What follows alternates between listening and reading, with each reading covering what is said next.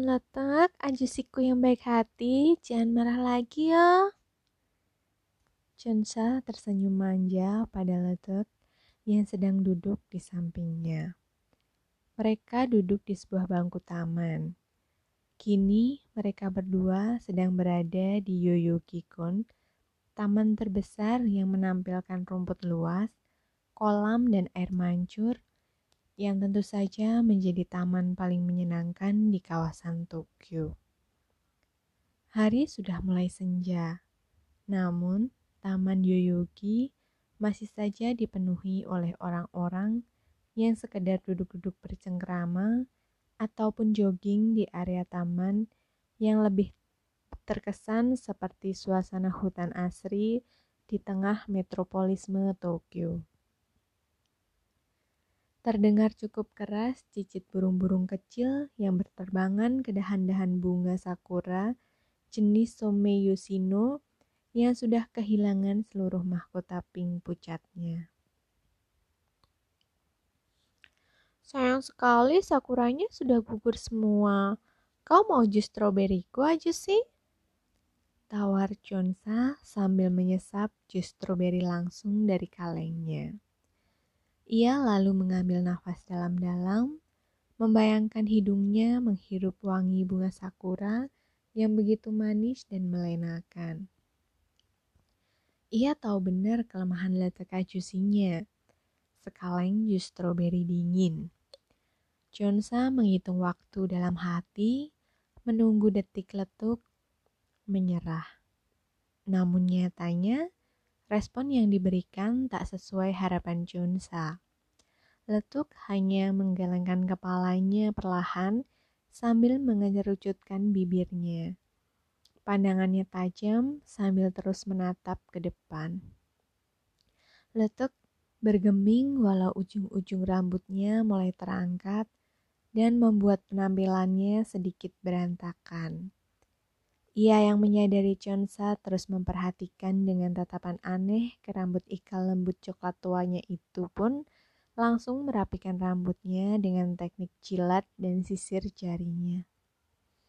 Ya, kau jorok. Tapi tumben kau menolak minuman favoritmu. Chunsa terheran.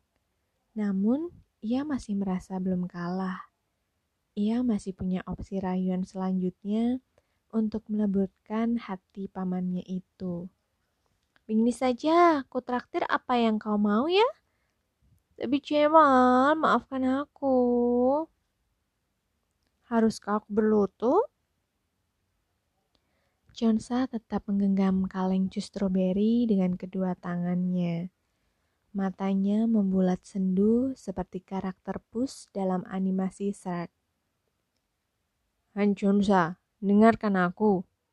Sergah Letuk benar-benar tak tertarik dengan godaan Chunsa. Letuk lalu memicingkan matanya tajam tepat ke manik mata Chunsa. Membuat Chunsa jadi langsung merasa seperti kelilipan karenanya. Aku kehilangan seluruh selera makan dan minumku karena kejadian tadi. Baiklah kalau tak mau memaafkanku, Jonsa menghentikan kedipan-kedipan di matanya, lalu menyeruput sisa jus stroberinya sampai habis dan langsung melempar kaleng jusnya yang sudah kosong ke dalam tong sampah yang kira-kira berjarak 2 meter di depannya. Lantang! Kaleng itu berhasil masuk ke tong sampah dengan meninggalkan resonansi yang sangat nyaring beberapa detik setelahnya. Bunyi yang juga membangunkan secercah ingatan di benak Chunsa. Hei, hei, kata Chunsa tiba-tiba sangat antusias. Aku ingat, aku dan Chris pernah melakukan ini. Dia bilang kalau mau berkencan dengannya, aku harus bisa memasukkan 10 dari 20 kaleng minuman ke dalam tong sampah yang berjarak 4 meter dari tempatku berdiri. Ah, palaku! Tiba-tiba, angin datang berhembus cukup kencang hingga membuat poni rata dan rambut sebahu Chonsa berantakan. Angin tak pernah berhembus sekencang ini di tengah 35 derajat panas Tokyo. Tapi, Chunsa lebih heran pada rambut pamannya yang tetap rapi seperti sudah disemen dan tak bergerak sehelai pun. Apa sisiran jari bercampur air liurnya tadi yang membuat rambutnya seperti itu? Chonsa membatin sambil merapikan rambut dengan kedua tangannya, lalu mengerjap-ngerjapkan matanya, memandangi rambut letek. Kebingungannya itu membekukan sedikit rasa sakit di kepalanya sementara waktu. Kau ini mengada-ada saja. Letek lalu menoyor kepala Chonsa cukup keras hingga gadis itu hampir tercengkang. Adegan seperti itu hanya ada di cerita drama murahan. Bangunlah segera dari mimpimu, Chunsa.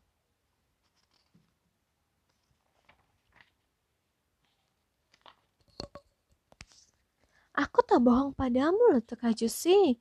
Aduh, kenapa kepalaku tiba-tiba sakit seperti ini ya? Makanya, berhentilah mencoba merekayasa hal-hal yang hanya terjadi di mimpi, Chunsa. Berhentilah mencampur adukan khayalan dan kenyataan. Itu hanya akan menyakitimu.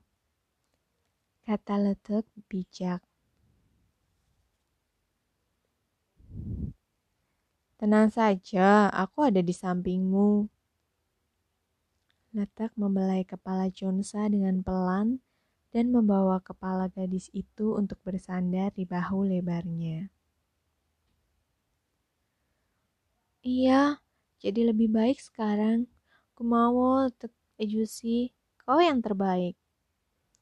Chunsa tersenyum memeluk pinggang pamannya. Mata Chunsa menerawang ke langit yang mulai memancarkan gradasi merah muda dan jingga keemasan.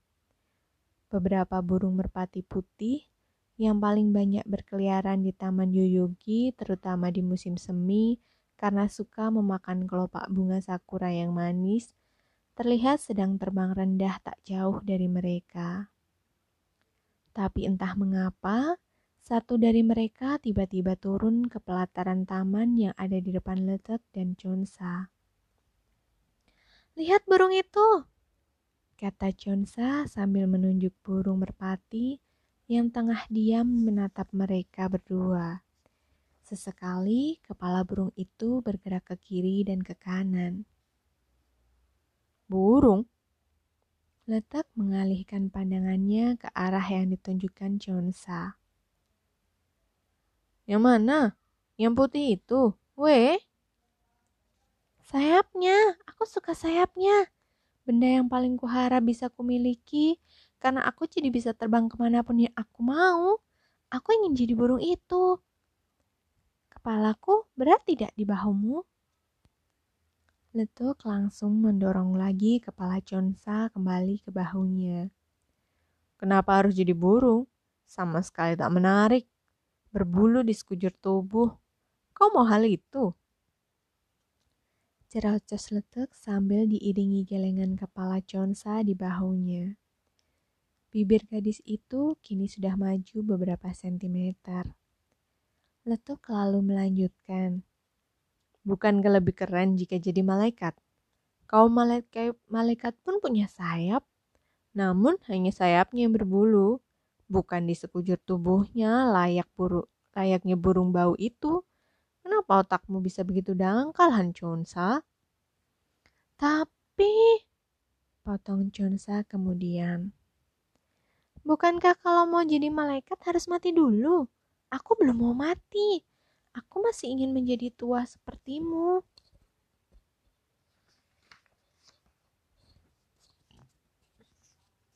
Kau tidak sopan. Geram meletak sambil mencubit hidung Jonsa pelan. Umurku memang sudah banyak, namun aku selalu mencoba bersikap lebih balita. Huh? Sudah banyak? Ania-ania nih, bukan banyak, tapi tua. Sejenak, Chunsa tertawa sambil menutup bibir dan hidungnya dengan sikap karena takut dicubit lagi oleh letek Ajusi. Namun, letek yang tak kekurangan akal langsung menyentil dahi Chonsa yang lebar.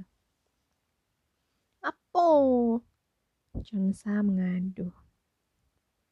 Makanya dengarkan aku dan jangan coba membantahku.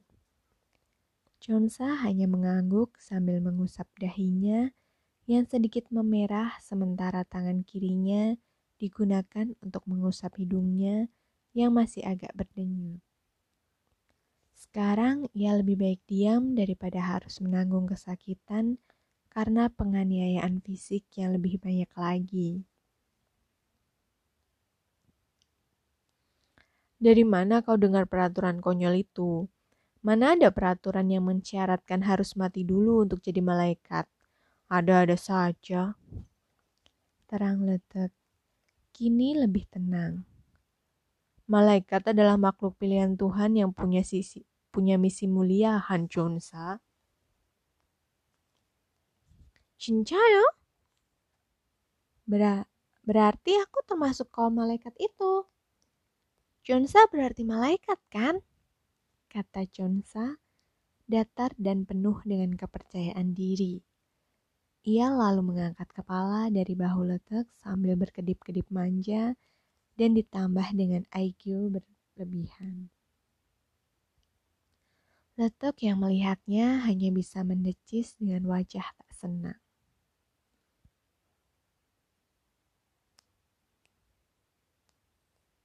Gadis nakal, aku lelah bicara denganmu, Jun saya. Namun, Letuk yang hendak bangun langsung ditarik tangannya oleh Cinsa. Jangan, aku belum selesai bicara.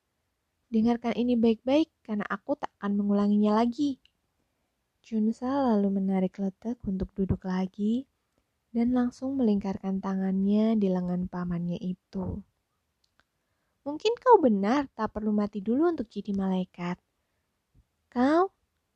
Ya, kau adalah malaikat paling nyata yang sedang hidup bagiku. Kau seperti guardian angel untukku. Cih, kenapa aku jadi sedikit menyesal sudah mengatakannya? Jangan diperpanjang lagi. Dengus Chonsa ketika melihat letuk kini menatap dirinya sambil tersenyum ambigu. Sambil berusaha untuk mengatur nafasnya, Chonsa lalu meletakkan kepalanya lagi di bahu letuk dengan manja. Namun, alasan lebih tepatnya hanyalah untuk menghindari tatapan mata letuk yang terlihat sangat lembut. Mendadak, Jonsa jadi sangat berdebar di dekat letek Ajusi. Entah sudah berapa kalinya hari ini. Jangan dibahas, jangan diperpanjang lagi. Letek Ajusi, sejak kapan debaran hati dan rona merah di wajahku jadi tak bisa ku kontrol begini? Junsa merutuki hal yang tak jelas itu dalam hatinya seolah bisa membaca dan mengerti gumaman hati Chunsa, Letuk hanya menanggapi dengan sebuah desahan nafas yang cukup panjang.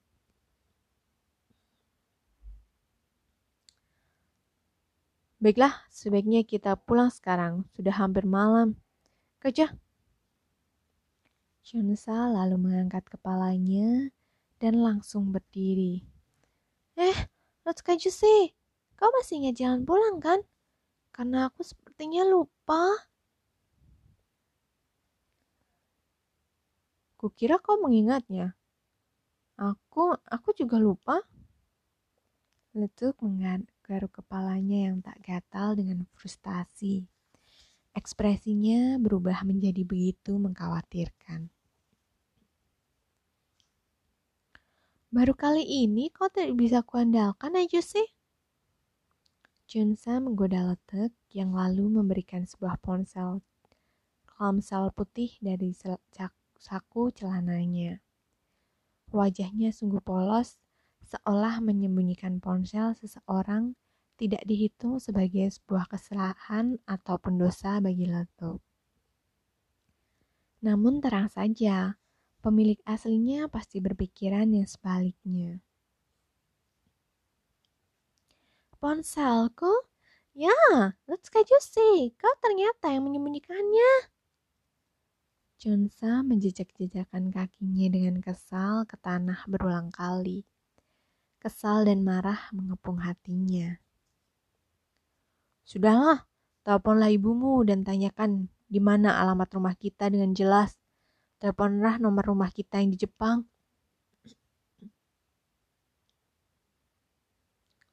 Wah, katamu kita di Jepang hanya berdua saja. Tapi kenapa ada Okacan di sini? Sudah, jangan cerawat. Telepon saja sekarang. Balik.